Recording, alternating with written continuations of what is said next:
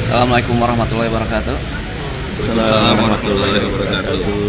Alhamdulillah di pagi kali ini di Masjid Salman kita bisa diberi kesempatan untuk tapping podcast bersama teman-teman Vitamins. Di sini juga telah hadir berunda kita Ustadz Agus. Assalamualaikum Ustadz. Assalamualaikum warahmatullahi wabarakatuh. Sehat? Alhamdulillah. Alhamdulillah. Di sini juga saya Eko menggantikan MC kondang kita sedang berhalangan hadir pada Allah dan juga ada teman-teman di sini Saya ada Abud. Saya Susah. Banu dan juga Noval. ya, kita di sini Akan mau ber- berdiskusi lagi ya Ya. seperti biasa akan membahas nih kemarin dapat input Ustaz dari teman-teman riset, Hmm, setelah riset di stories gitu, Hmm. kita kan bikin stories tentang Iya. apa sih yang membuatmu apa yang apa yang apa yang membuat hatimu tak tenang. tak gitu. tenang ya Nah, ternyata sebagian besar tuh eh, yang ingin dibahas tuh tentang masa depan gitu. kekhawatiran ya. Kekhawatiran akan masa depan gitu. Jadi kayak mulai misalnya kekhawatiran nanti punya rumah gimana apalagi zaman sekarang kan ya Ya. kayaknya nggak nggak keukur gitu kalau pengen punya rumah gitu. Lumayan mahal gitu ya. Generasi generasi kita tuh gitu. Jadi framingnya ini kurang lebih midlife crisis itu ya. Ya Hmm. Quarter Jadi- life crisis lah. di usia-usia produktif sudah bergelut di dunia profesional. Nah di titik ini tuh muncul nih pemikiran-pemikiran "Eh, nanti gimana ya ke depannya ya gitu ya. Kita punya target tapi takutnya nggak nyampe ke target. Iya. kalau ber- mengalir aja takutnya nggak tahu Nggak nih tahu ke depannya gimana gitu iya. kan. Nah gitu ya. Kasusnya banyak. Nah, bagaimana nih Ustadz? nih Iya, mungkin kita bisa mulai dari satu hal terlebih dahulu kalau kita berbicara tentang kekhawatiran-kekhawatiran kita ini. eh, pertanyaan krusialnya kan adalah perlu atau tidak ya? Perlu nggak sih khawatir berkenaan dengan hidup kita? Nah, ini bisa dimulai dengan sebuah eh, awalan seperti ini misalnya. Dengan kita bertanya dulu kepada diri kita siapa kita ini? Ini kan pertanyaan yang mendasarnya, Bu MI-nya itu siapa kita? Atau bahasa Arabnya man ana, siapa kita ini? Kalau kita berawal dari pertanyaan itu, siapakah diri kita? Kita ini makhluk. Ini tuh sebuah jawaban yang pendek, tapi jawaban yang pendek ini adalah meninggalkan sebuah keyakinan seharusnya. Makhluk itu apa? Kalau misalnya kita bicara tentang bahasa Indonesianya, makhluk itu adalah yang diciptakan berarti kita itu tidak terlepas dari satu hal lagi yaitu tidak terlepas dari yang menciptakan kita.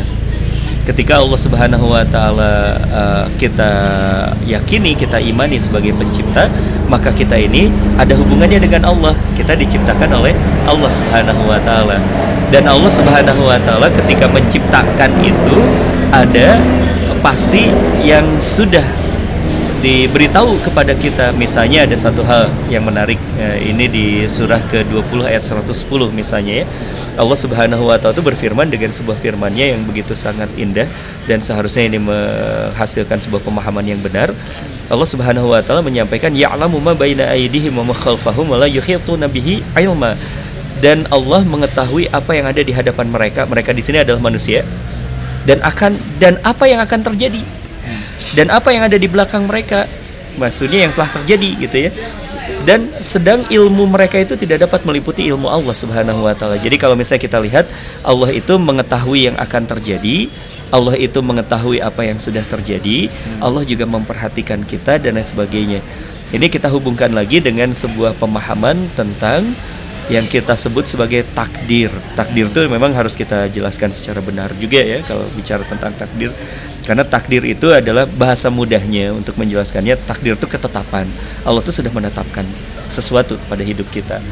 Eh, ketika kita ada 40 eh, 4 bulan di dalam kandungan ibu kita, itu Allah sudah menetapin banyak hal tuh ya.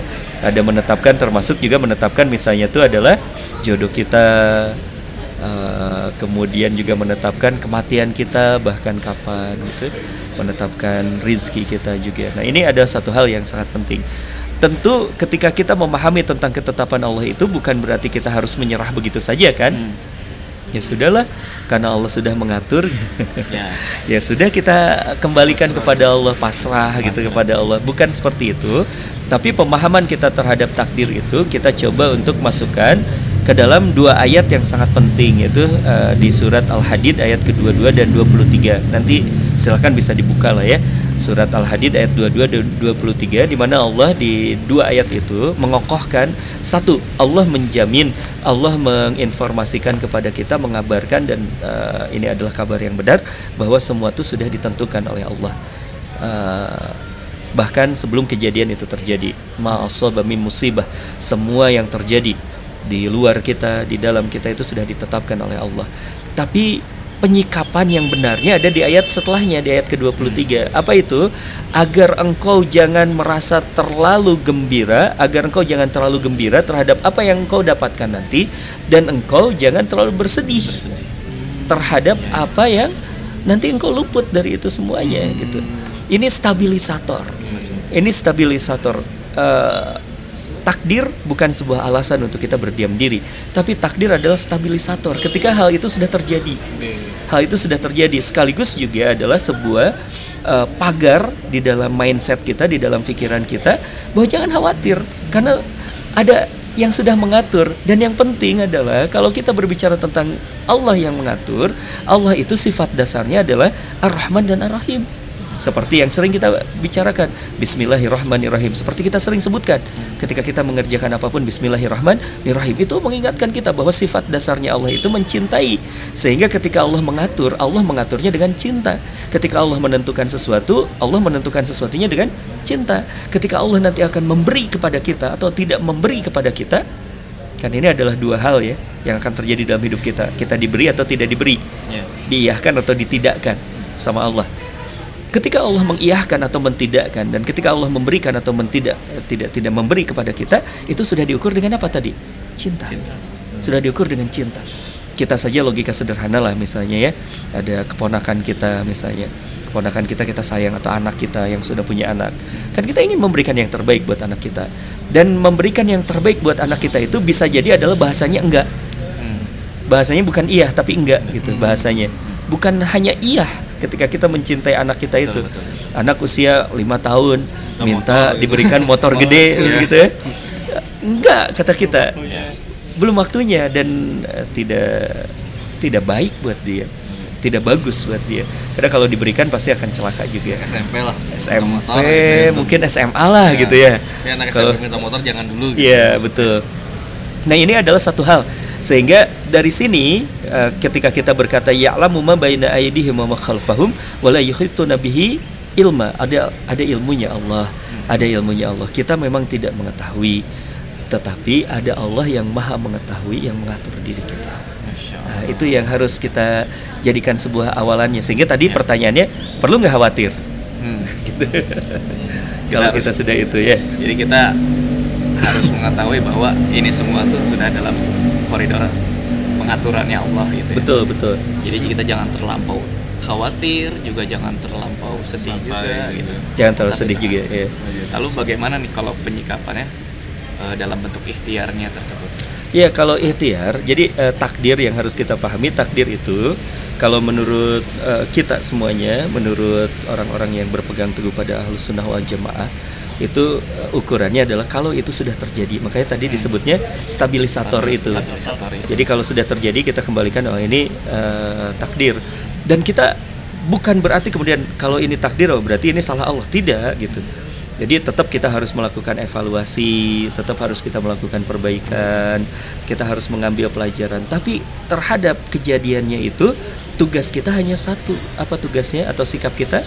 Hanya satu. Sikapnya adalah ridho hmm. karena ini mah sudah takdir, takdir. sudah terjadi hmm. sudah terjadi kalau sudah terjadi ridho hmm. dan ridho itu bisa membahagiakan buat kita karena hmm. kalaupun kita sudah marah kalaupun kita marah tidak menerima terhadap kejadian itu toh kita tidak bisa mengubah masa lalu Betul. takdir itu adalah damainya kita dengan hati kita berdamai kita dengan diri kita sendiri hmm. Tentu tidak berarti kita tidak melakukan evaluasi karena evaluasi adalah bagian dari cara kita untuk mengambil hikmah dari hikmah. takdir itu. Iya. Hmm. Takdir sudah terjadi, kita ambil hikmah, lalu kemudian kita berangkat lagi ke masa depan kita karena yang bisa kita rubah mah atau yang bisa kita sikapi adalah masa depan. Masa depan. Sekarang dan masa, masa depan. Masa lalu mah ya nggak bisa diapa-apain lagi, namanya juga masa lalu. Cuma menjadi pelajaran buat kita. Jadi kalau kerja kerasnya ya tetap harus kita bekerja keras karena masalah hasil kita tawakal kepada Allah tapi masalahnya adalah masalah kerja keras ini ada dua hal yang berbeda. Ada takdir ada nasib. Oh beda itu. Beda. Iya. ketika kita misalnya berkata tentang nasib nasib itu kan ada ada sebuah ayat ya eh, bahwa Allah tidak akan merubah kondisi suatu kaum. Nah itu yang dimaksud dengan nasib, Nasib. sampai dia mengubah dirinya sendiri sampai dia mengubah dirinya sendiri. Jadi ini adalah sebuah prinsip yang berbeda. Kalau nasib itu kan adalah sesuatu yang masih bisa kita rubah. Tapi kalau sudah terjadi ini takdir dan ini tidak bisa kita rubah gitu. oh gitu. Jadi bukan takdir wah nggak tahu nih nanti ke depannya gimana. Takdirnya mungkin kayak gini berdiam. Iya, nggak bisa. nggak gitu. Kalau bahasa pemahamannya Rasul dan para sahabat adalah engkau nanti akan dimudahkan untuk bertemu dengan takdir-takdirmu. Maka untuk itu ya cobain aja dulu semua ya. Iya, nanti akan ketemu kita di eh, satu jalan itu sesuai dengan takdir kita nantinya.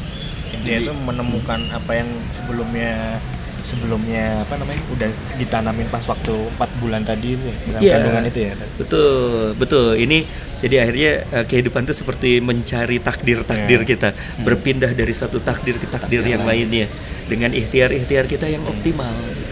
Sehingga nanti kita bisa menemukan oh ini ternyata takdir kita adalah seperti ini dan sekali lagi kalau kita bicara tentang takdir Allah tuh menginginkan kita sukses. Allah tuh menginginkan kita bahagia. Allah tuh menginginkan kebaikan banyak kebaikan bagi kita.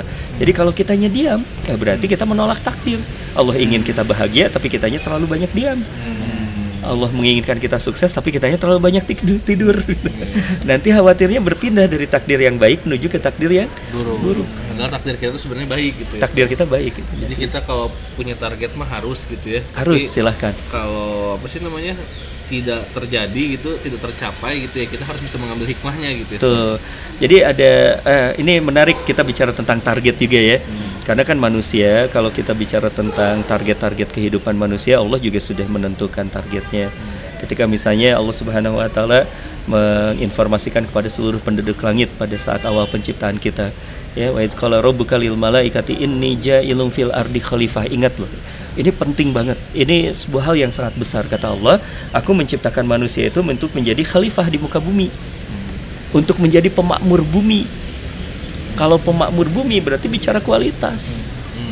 Kita bicara target-target yang tinggi, bukan hanya kita sekedar misalnya suksesnya untuk diri kita sendiri punya rumah, punya mobil. Anda terlalu kecil kalau berpikir seperti itu. Karena Anda harus berpikir tentang dunia. Anda harus berpikir tentang 2 miliar lebih umat Islam. Anda harus berpikir tentang 5 miliar manusia. Anda harus berpikir tentang daratan dan lautan. Anda harus berpikir tentang gunung. Anda harus berpikir tentang berbagai negara yang ada di seluruh dunia. Itu tugas Anda untuk makmurkan itu semuanya. Sehingga eh, mimpi kita tadi kalau kita bicara tentang target, haruskah kita punya target? Harus. Dan targetnya harus besar. Targetnya harus besar. Targetnya bukan hanya untuk membahagiakan diri kita sendiri, tapi tugas kita, target kita adalah untuk memakmurkan bumi. Jadi akan sangat beda sekali. Dan nanti tinggal kita breakdown dari memakmurkan bumi itu. Baik kita memakmurkan buminya, kan ini kehendaknya Allah. Allah memerintahkan kita. Ini starting point loh. Allah memerintahkan kita untuk memakmurkan bumi. Berarti kita ketika berpikir tentang hal itu pun langsung nyambungnya kepada Allah. Allah tuh yang menugaskan kita untuk punya target-target itu. Allah tuh yang menugaskan kita untuk menjadi khalifah di muka bumi itu. Sehingga nanti mindset kita karena Allah yang menugaskan kita, karena kita juga bekerja untuk Allah, maka kita timbul sebuah keyakinan Allah tidak mungkin meninggalkan kita. Allah pasti akan mendukung kita. Kan kita kerjanya untuk Allah. Beda kalau kerjanya untuk diri sendiri. Ya silahkan, diri sendiri saja yang mengurus. Tapi kan ini kerjanya untuk Allah. Maka Allah yang akan mengurus kita. Eh, sehingga jadi kekhawatiran nanti akan hilang. Targetnya target besar, tapi dikaitkan kepada Allah. Lalu kemudian kekhawatiran pun menjadi hilang. Kenapa? Karena kita yakin, karena ini adalah menu- eh, tugasnya yang menugaskannya adalah Allah, yang memberikan tugasnya adalah Allah. Ya kita pasti akan dicukupkan dimampukan, dibantu tentang itu semua. Logika sederhana lah kalau misalnya kita punya karyawan gitu ya, kita tugaskan pergi ke Medan, pasti kita bekelin. Iya. Nggak mungkin kita nggak bekelin. paling nggak di reimburse lah Iya minimal reimburse lah ya. Kalaupun misalnya kurang kan, gitu. pasti ada jaminan itu. Nggak juga kan kita ke Medan ya. terus mana pak ongkosnya ongkos sendiri ya nggak bisa lah gitu ini logika sederhananya untuk itu karena kita bertugas untuk menjadi khalifah kita punya target uh, breakdown dari tugas khalifah kita itu lalu kemudian kita berkeyakinan Allah tidak akan meninggalkan kita. Dan itu pun ditegaskan oleh Allah. Wa huwa ma'akum aina ma kuntum. Sesungguhnya kata Allah aku menyertaimu aku membersamaimu di setiap apa pun kondisimu. Masya Allah. Kan itu enak sekali.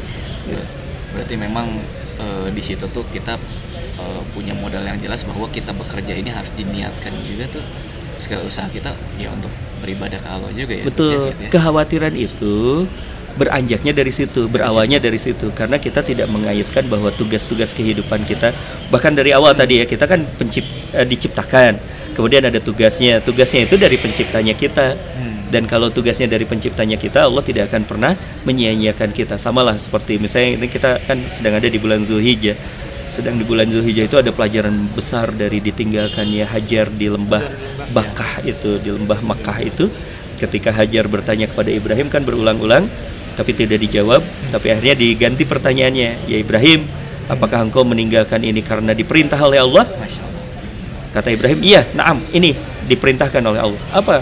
Sehingga kesimpulannya dari Hajar. Hajar berkata jika ini perintah Allah aku yakin Allah tidak akan pernah menyia-nyiakanku Allah tidak akan pernah menelantarkanku Allah tidak akan pernah meninggalkanku sendirian.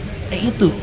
Karena ada hubungannya dengan Allah ini tugas kita bekerja tugas kita menjalani hidup ini dari Allah dan karena ini Allah yang menugaskan aku yakin Allah tidak akan pernah menyia-nyiakanku itu yang harus kita miliki meluruskan niat untuk melibatkan Allah gitu ya dalam segala hal. Betul, niat itu kan di hati.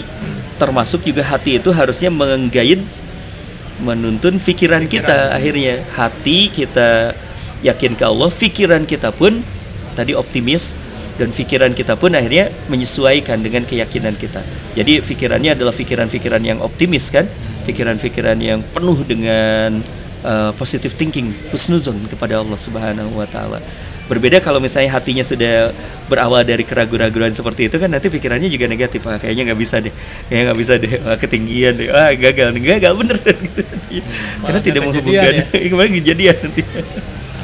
Kayak mau nyebrang ya, kalau mau nyebrang kalau ragu-ragu bisa dipastikan ketabrak. kalau Gitu. perihal tentang tinggi angan-angan bagaimana Ya, uh, tulul amal atau tinggi angan-angan dalam bahasa Islam itu itu kan disebutnya tulul amal. Tulul amal itu berbeda pengertiannya. Jadi kalau kita punya cita-cita mah itu bukan termasuk tulul amal. Tapi yang dimaksud dengan panjang angan-angan di dalam istilah tulul amal itu adalah menunda-nunda ibadah, menunda-nunda tobat. Uh, dan kita masih berangan-angan punya usia. Ah, itu padahal Allah bisa jadi mencabut waktu kita, mencabut usia kita. Itu yang disebut dengan panda panjang angan-angan, seolah-olah masih ada usia, seolah-olah masih ada waktu sehingga kita menunda-nunda amal dan menunda-nunda tobat. Jadi berbeda konteksnya sehingga memang ini kadang-kadang orang tidak begitu memahami dengan benar berkenaan dengan hal ini sehingga ketika kita punya cita-cita tuh dianggap "Wah, ini panjang angan-angan bukan gitu. Panjang angan-angan itu masuknya adalah ke menyepelekan waktu di ibadah dan tobat gitu nanti. Soal yang target juga berarti sama halnya seperti yang disampaikan oleh Rasulullah yang bahwa sebaik-baiknya manusia tuh adalah yang bermanfaat untuk orang lain gitu. bahkan itu tuh mengartikan bahwa kita tuh sebagai khalifah tuh emang harus mentargetkan untuk tidak untuk diri sendiri saja ya Tuh. Nah, itu eh, khairun nas anfa'uhum linnas. Manusia yang paling baik itu adalah manusia yang paling bermanfaat untuk orang lain. Nah, sehingga tadi ya bahwa awal kita bicara tentang dunia, awal kita bicara tentang kekhalifahan dunia ini. Lalu kemudian yang berikutnya lagi kita pun bicara tentang sukses kita tuh bukan hanya sukses untuk diri kita sendiri, tapi kita eh, bagaimana membahagiakan orang lain, bagaimana kita memudahkan orang lain dan lain sebagainya. Sehingga targetnya harus besar. Kalau kita pakai logika saja sederhananya. Kita bagaimana kita bisa menolong orang kalau kita ya tidak selesai dengan diri sendiri kan ya ya ya. Kaidahnya juga kita tidak akan mungkin bisa memberi sesuatu kalau kita nggak punya sesuatu kan? Kalau kita sudah berpikir menyukseskan orang lain bermanfaat untuk orang lain berarti buat kita mah nggak usah dihitung lagi. Berarti sudah cukup kita. Berarti sudah cukup. Berarti ini targetnya harus besar. Jadi bukan hanya mencukupi diri sendiri tapi uh, bukan hanya berdaya tapi juga mampu untuk memberdayakan orang lain. Kan itu yang kuatnya nanti. Berdaya dan memberdayakan karena beginilah logika sederhananya ya. Kalau rasul kalau rasul itu hanya berpikir tentang dirinya sendiri ngapain jadi nabi? Rasul kan lagi banyak eh, segala macamnya ya ketika itu kan. Perniagaannya lagi bagus hartanya sedang banyak. Tapi kemudian bukan itu yang difikirkan oleh Rasul. Rasul kemudian memikirkan tentang umatnya. Maka kemudian tugas risalah ini diemban oleh Rasul dengan sebuah pemikiran yang betul-betul terus berpikirnya tentang umat, bukan hanya tentang dirinya sendiri. Karena kalau berpikir tentang diri sendiri mah kecil kita. Tapi kalau kita berpikir tentang orang lain, berpikir tentang umat, apalagi tadi berpikir tentang 2 miliar umat Islam, 5 miliar manusia, oh itu besar sekali ini. Kita harus kalau punya perusahaan harus perusahaan besar. Kalau punya bisnis harus bisnis besar. Kalau misalnya kita bicara tentang kapasitas kita sebagai profesional pun harus profesional yang handal nantinya. Masya Allah, ya itu benar sih Ustaz. kalau dari sisi itu kan kita kerjaan gitu ya ya. Mencapai target dan lain-lain. Tapi kekhawatiran itu tuh muncul. Kadang-kadang sebagai manusia kan wah khawatir tuh ke mana-mana ya, Ustaz. ada dari pasangan terus yang udah ibadah ibadahnya sama kerjanya gimana terus ada keturunan juga wah nanti anak bagaimana jadi oh overthinking jadi gitu ya? overthinking Ya, gitu. Nah, itu bagaimana Ada itu ya jadi overthinking ada yang Gitu. kemarin curhat kayaknya aduh saya mah eh, ini eh serem sama biaya pendidikan anaknya bayang kayak gitu Iya. ada yang Tim pasangan juga nih belum dapat Dapat. belum dapat. Yang mana yang curhat pasangan? kayaknya ada yang kemarin maklum Ada ya. yang ada yang di sini juga main ke rumah saya Maaf, maaf. Titip tanya. Titip tanya kayaknya itu ya. tanyain lah buat Jadi begini, kalau kita bicara tentang hal itu overthinking, itu, Overthinking. karena tadi eh, tidak atau lupa bahwa kalau kita yang diciptakan itu include itu tuh satu paket dengan sebuah jaminan dari Allah bahwa Allah yang memelihara. Allah yang memelihara kalau bahasa ayatnya nahnu narzukukum wa iyyakum. Sesungguhnya aku kata Allah yang memberimu rizki dan memberi memberi rizki kepada mereka kepada anak-anak kita, kepada istri-istri kita, eh istri kita, gitu ya. itu yang diberi, yang memberi rizki itu kita, eh bukan kita tapi Allah. Nah pemahaman kita harus kita luruskan, seolah-olah kita tuh hebat, karena kita memberi rizki pada anak kita. Emang kita gitu yang ngasih rizki nanti? Allah yang menciptakan kok, Allah yang menciptakan dia, Allah yang menciptakan anak-anak kita. Dan Allah bertanggung jawab atas rizkinya. Anak kita itu lahir ke dunia itu plus satu paket dengan rizkinya. Gak usah takut kita dengan itu semuanya jadi kalau bahasanya overthinking mungkin bahasanya saya adalah memikirkan sesuatu yang tidak usah difikirkan bahkan gitu. Karena ini adalah urusannya Allah Subhanahu Wa Taala. Kalau kita sudah misalnya eh, sederhananya kasusnya seperti ini. Kita berkasus hukum. Kita nggak paham hukum nih. Kita akhirnya minta tolong kepada pengacara. Pengacara mengurus kita beracaralah di pengadilan apa yang harus kita lakukan? Ya sudah serahkan saja kepada pengacara itu. Karena pengacara itu jauh lebih paham tentang hal itu. ahli. Ya? lebih ahli tentang hal itu. Kan akan sangat tidak tidak baik dan lucu bahkan ya. Kita yang tidak paham hukum kita sudah minta tolong kepada seorang pengacara kita ngerecokin kerjaannya pengacara kayaknya ini cocoknya ke pasal ini deh gitu ini jadi Pengen- Allah mengikuti minta- keinginan gitu. Allah minta tolong tapi kitanya ngerecok Masya Allah. kayak gitu ya bahasanya ini di dalam bahasa Islam itulah yang disebut dengan tawakal. Tawakal itu asal katanya dari al-wakil. Al-wakil itu adalah asma Allah. Salah satunya asma Allah. Ketika kita bertawakal berarti menyerahkan urusan kita yang sudah diurus oleh Allah itu kepada pengurus yang sebaik-baiknya yaitu Allah. Jadi kita serahkan kepada Allah. Bukan berarti lagi-lagi kita tidak berusaha. Karena memang usaha mah ranahnya ranah yang lain. Tapi ketika kita berbicara tentang anak kita, jangan sampai ini adalah masalahnya masalah akidah. Karena awalnya adalah eh, kita mengetahui seharusnya Allah yang memberi rizki. Nahnu narzukukum wa iyyakum kata Allah. Sesungguhnya Allah yang memberimu rizki dan juga orang-orang yang ada di sekitarmu. Ya, bahasa gampangnya lagi saya tanya kayak gini misalnya kan ada yang sudah punya anak kan ya Ya.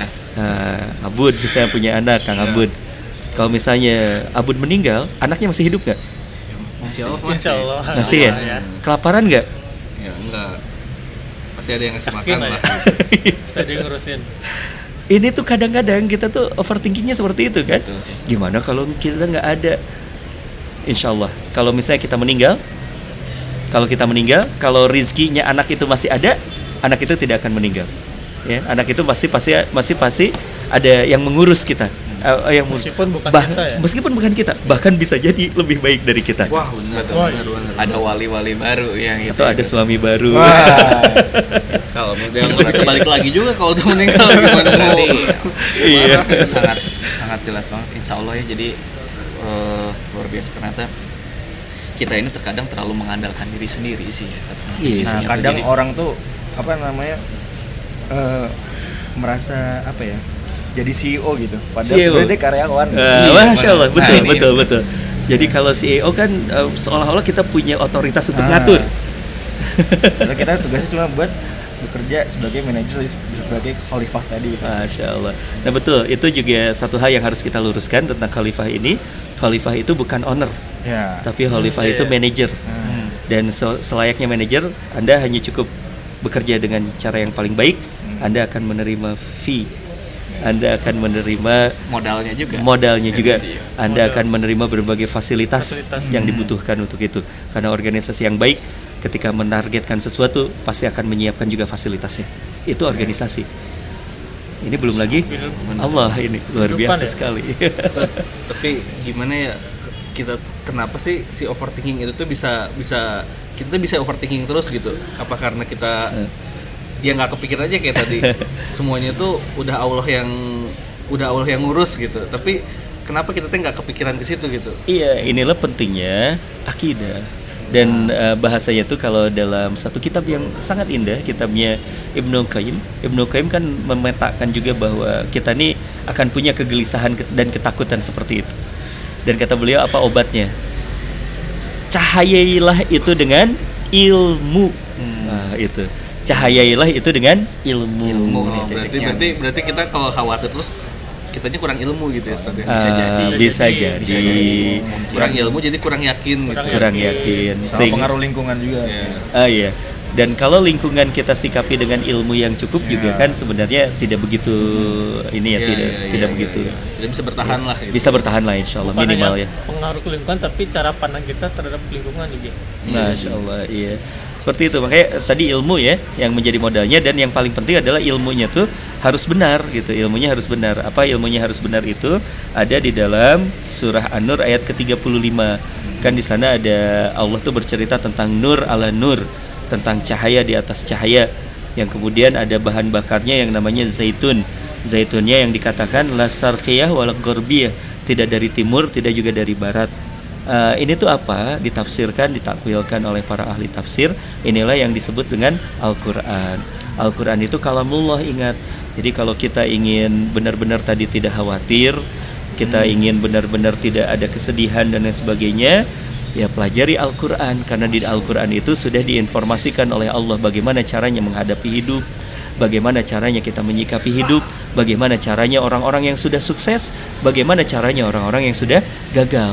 Karena di sana ada mau'izatul hasanah, ada sebuah kisah pelajaran-pelajaran baik, ada kisah-kisah. Al-Qur'an berkisah, Al-Qur'an bertutur. Kita bisa mengambil pelajaran dari kisah-kisah di dalam Al-Qur'an. Misalnya seperti itu salah satunya gitu.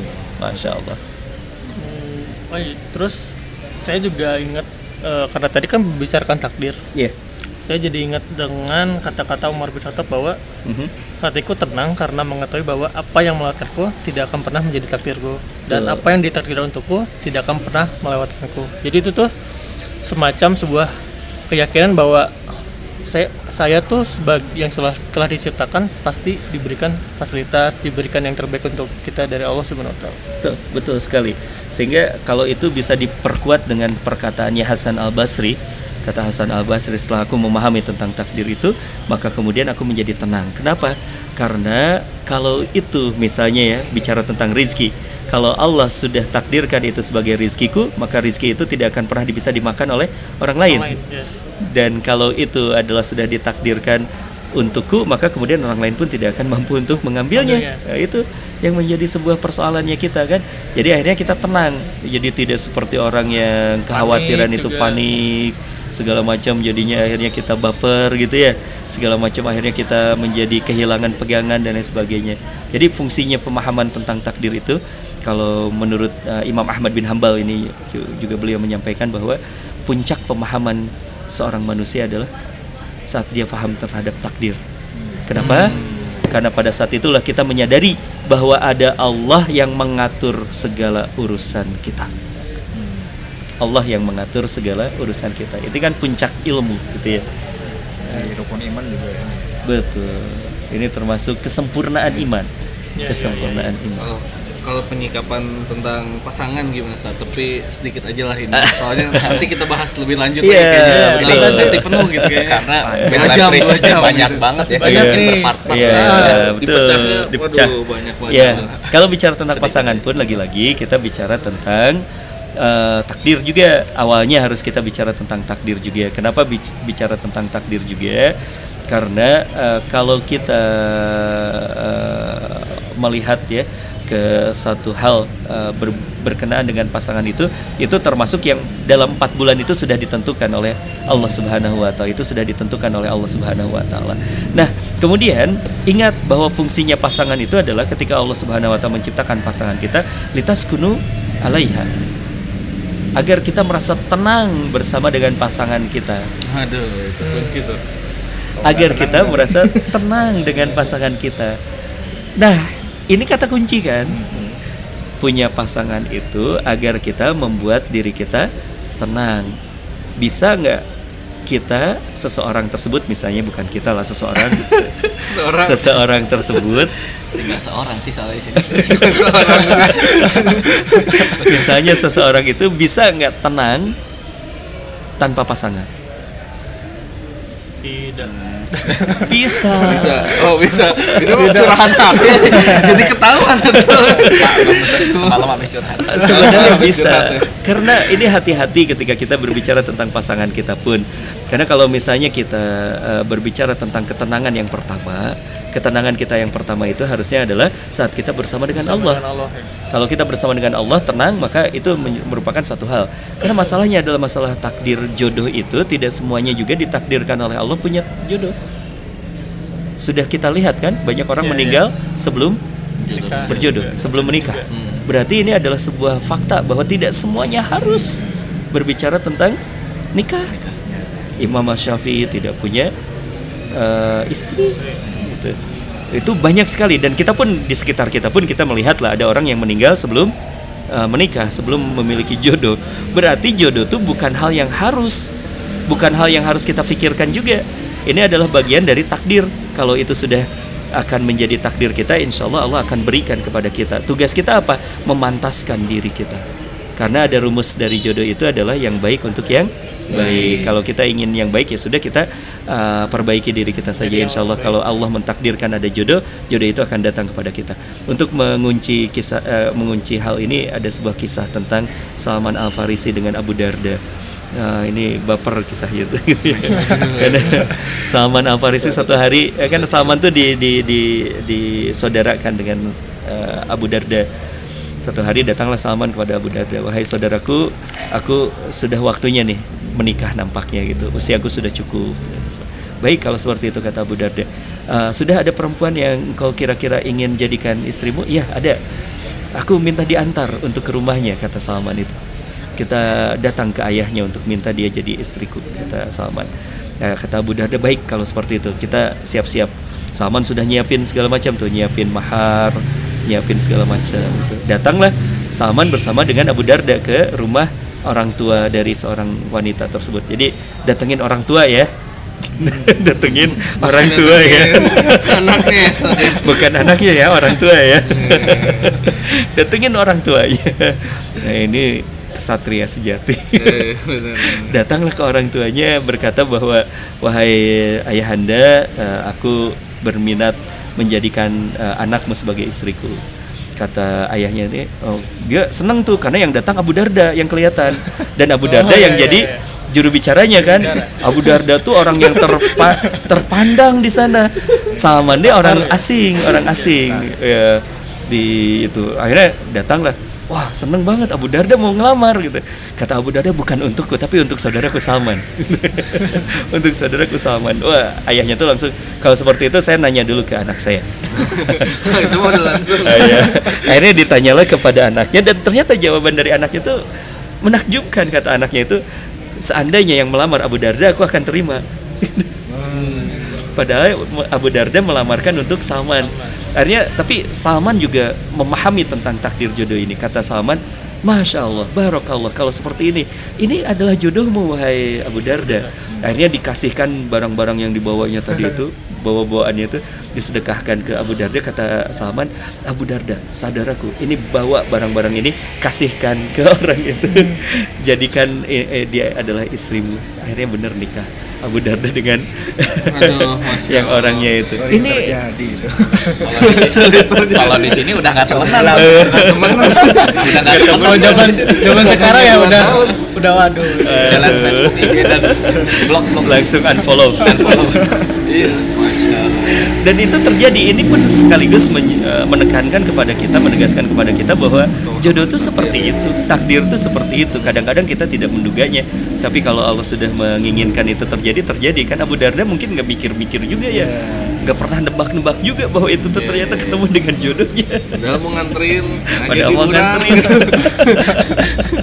nah, ini hal yang eh, menarik tentang jodoh itu sehingga kalau kita kembalikan lagi-lagi kita kembalikan kepada takdirnya dari Allah Subhanahu wa taala dan ini yang akan membuat kita tenang. Iya. Sama seperti ketika para sahabat misalnya ketika dikepung di Madinah kan mereka hanya mengatakan satu hal. Ketika perang Ahzab itu ya dikepung tuh wah berhari-hari dikepung. Apa yang dikatakan oleh mereka? Hasbunallah wa ni'mal wakil ni'mal maula wa ni'man nasir. Cukuplah Allah sebagai pelindungku dan pembelaku karena dialah sebaik-baiknya pelindung dan pembela. Kalau seperti ini la khaufun alaihim wa lahum yahzanun kita pasti tidak akan lagi merasakan kekhawatiran tentang masa depan, ketakutan tentang masa depan karena kita berlindung kepada yang maha kuat. Kita berlindung kepada yang memiliki langit dan bumi dan kita berlindung, kita kembalikan segala urusan kita kepada yang menciptakan kita. Ini tuh meaningful gitu. Yang menciptakan kita, yang menciptakan kita bukan kepada teman kita, teman kita mah sama punya kebutuhan. Tapi kalau kita kepada Allah, Allah tidak punya kebutuhan apa pun. Masya Allah, gitu ya. Luar biasa sekali ini. Jadi kalau misalnya kita bisa memahami takdir tuh kita jadi tidak terlalu baper lah gitu. Ya, dan bahagia, bahagia gitu. ya. bahagia. Santai Bahagia. aja gitu kita Santai. udah tahu nih ada yang Iya. skenario nya lah. Iya, karena dia berpindah takdir satu ke takdir yang lain tadi betul. Dan itu sebenarnya adalah pelaksanaan dari sebuah ikrar yang kita jadikan sebuah referensi doa. Apa itu? Raditu billahi robba wa bil islami dina wa bi muhammadin nabiyya wa rasula. Yang pertamanya dikatakan kita ridho Allah sebagai Rob.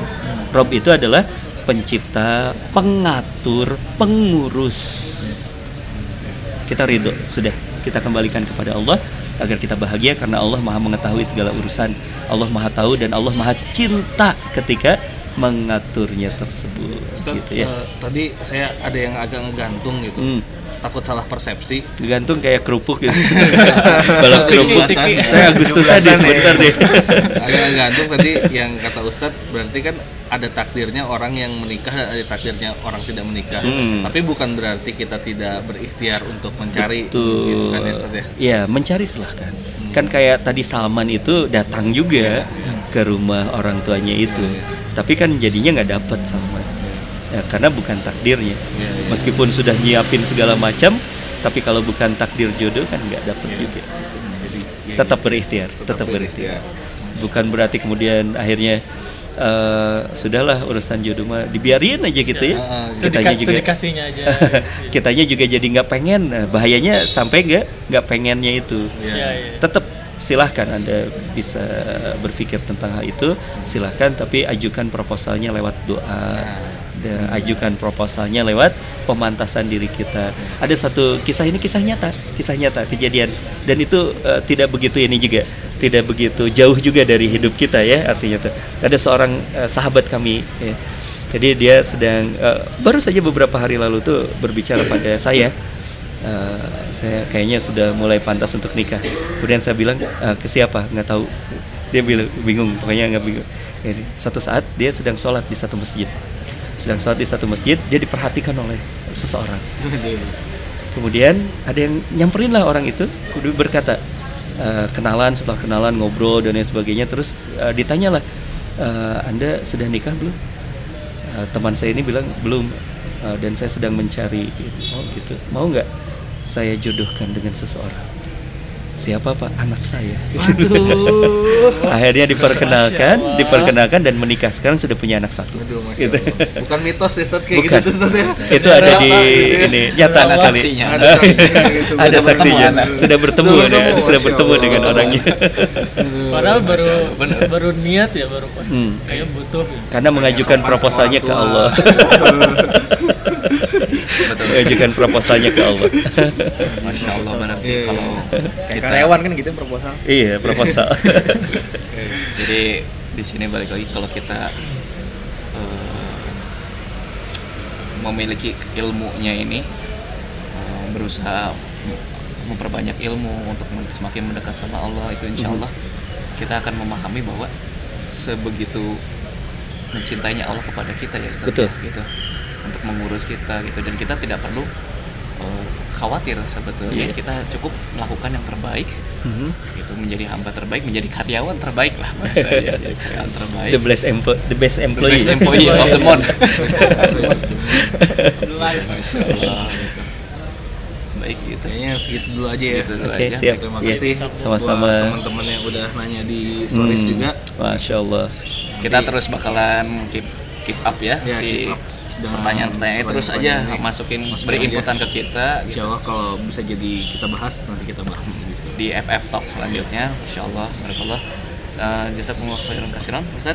Sami-sami wa Uh, di sini. Uh, kita sudahi dulu. Ya. FF Talk yang keempat ya? Ya top yang keempat tentang kekhawatiran kita krisis. depan. kita akan mungkin akan bagi ke be- beberapa part berikutnya. Mungkin nanti akan dibahas juga dalam sebuah bentuk kajian yang lebih panjang betul sekali Masya Allah. Oke. Baik uh, saya Eko Prambudi saya Abud. Saya Banu. Saya Noval. Dan juga Ustadz Agus. Siap. Assalamualaikum warahmatullahi wabarakatuh. Assalamualaikum warahmatullahi wabarakatuh